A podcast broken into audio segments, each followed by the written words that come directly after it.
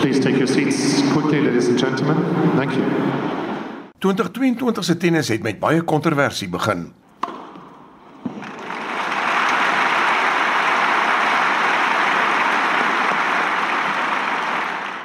Met COVID-19 gevalle wat baie afgeneem het, was dit tyd vir tennis om weer sy regmatige plek op die internasionale sportkalender in te neem.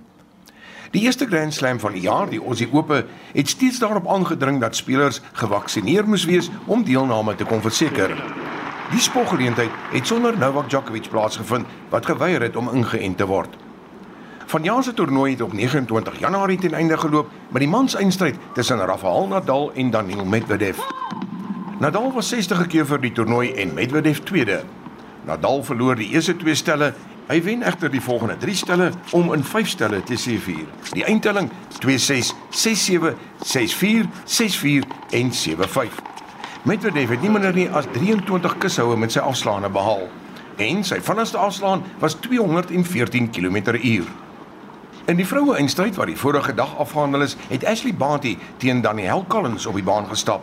Dit was in die Rod Laver Arena 'n wedstryd wat 'n uur en 27 minute duur en deur Batie gewen word. Sy was eerste gekeer met 6-3 en 7-6. Collins was 27ste gekeer. Yeah, I felt like it was um, it was nice and clean. It was. I think end to end, I did a good job in adjusting. There is quite a little bit of wind at court level here, so I thought I did a good job and some tough service games from down that end. But um, overall, I felt like I was able to able to find my forehands, control the court with my forehand, and um, yeah, I felt like it was just nice and solid to get out here and uh, play a decent match and just feel feel like I enjoyed it. I think that's the most important thing.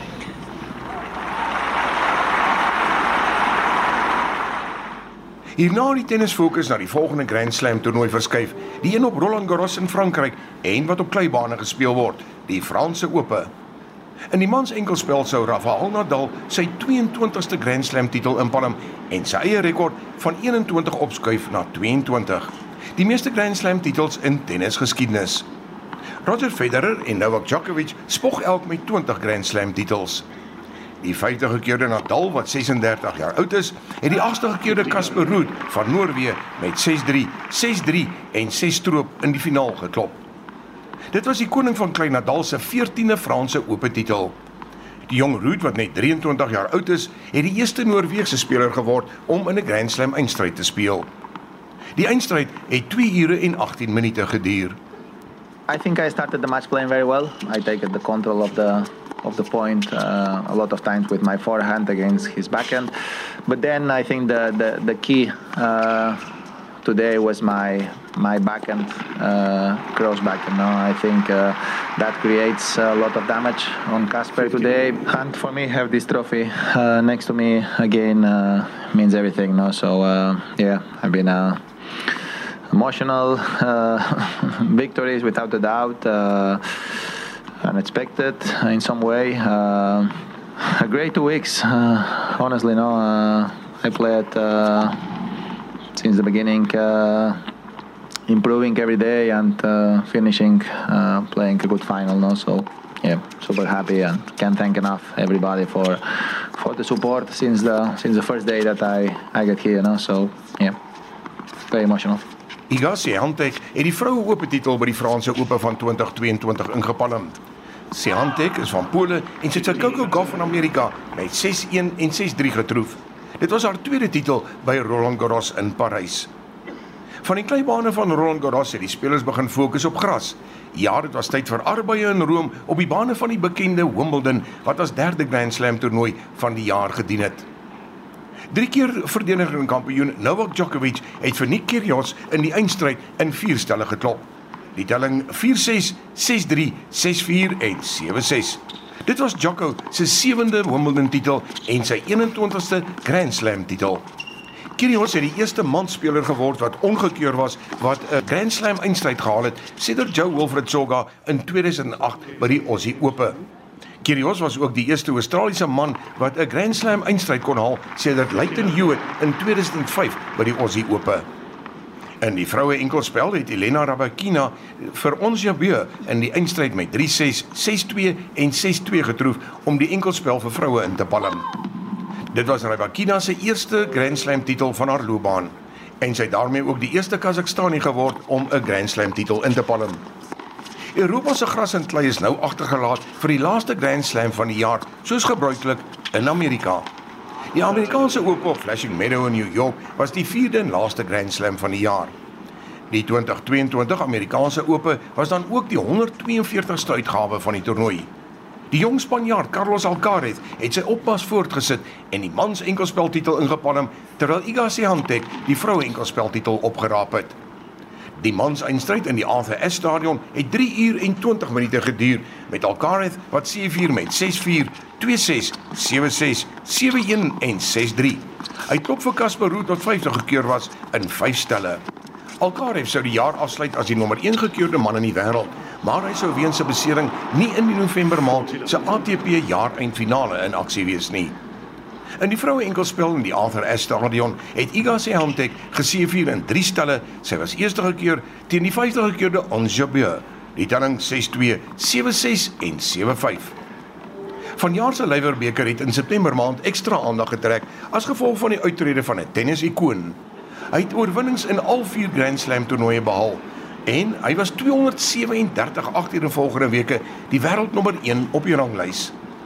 Roger Federer het in sy laaste wedstryd voor uittrede saam met Rafael Nadal in die dubbelspel by die Leiwerbeker gespeel. En na die wedstryd het Roger Federer, wat met 20 Grand Slam titels spog, aangekondig dat sy legendariese tennisloopbaan is amptelik verby. Vir Suid-Afrikaners is daar altyd 'n ekstra fokus op Roger se doen en late gewees omdat sy ma van Suid-Afrika is. It was about time that I retire and uh I think a moment like this obviously doesn't come overnight. It was a, a process and um, an emotional one, uh, which at the end I thought uh, uh, we managed well uh, with uh, the family, my team, and my closest friends. Um, I had to obviously tell a lot of people as well, uh, so the organization was big at the end to have, make sure it, it wouldn't leak because it was important for me to tell my fans um, directly it all worked out, and uh, here we are at the Labour Cup. But uh, it was uh, was definitely uh, more highly unusual last few weeks for me. I mean, the decision was uh, in a way difficult to take because uh, you never want to take it. I think as a professional athlete, you want to always be be active forever. You want to feel like you can come back on tour and win some matches and go back on a on a big court. But at the same time, you also know it's going to be over at some point, and it, I think this is the right time for sure.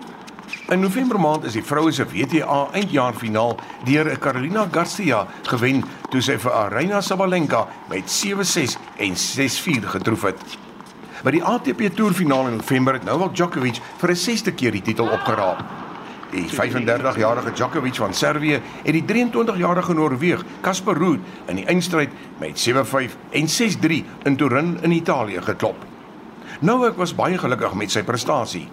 It feels deeply satisfying uh, and at the same time huge relief because of the circumstances that I have uh, been through this year and uh, situations earlier this year, of course, with Australia. We don't need to go back. We know what what happened, and that had an effect on uh, obviously on my start of the year. For the first several months, I was, you know, trying to uh, find that balance uh, game wise, but also mentally, in order to be able to come back to the court and, and find that tennis level that I need. Extremely special for me, and I'm very grateful um, to my wife and my children for coming.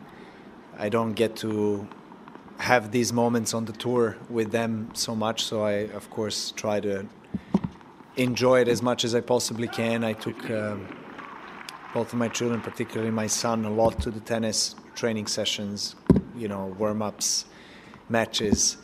Uh, he was very loud, I must say. I was very surprised. You know, he, he I could hear his voice the entire time, and um, he was very much into it. Die 35-jarige Novak is die oudste om die titel te wen en hy sluit die seisoen op 'n hoë noot af na 'n jaar van op- en afdraandes. Hy het die jaar 5de op die wêreldranglys geëindig.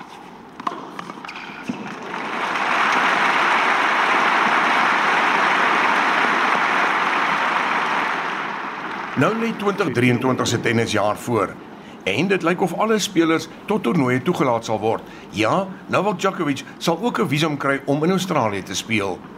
Gaan dit 'n jaar wees waar die veterane steeds die septer swaai of gaan die jong Turke die kollig steel? RSG sal ons luisteraars deur die loop van die jaar op hoogte hou van gebeure. Dis Pieter van der Berg vir RSG Tennis 2022. Step in the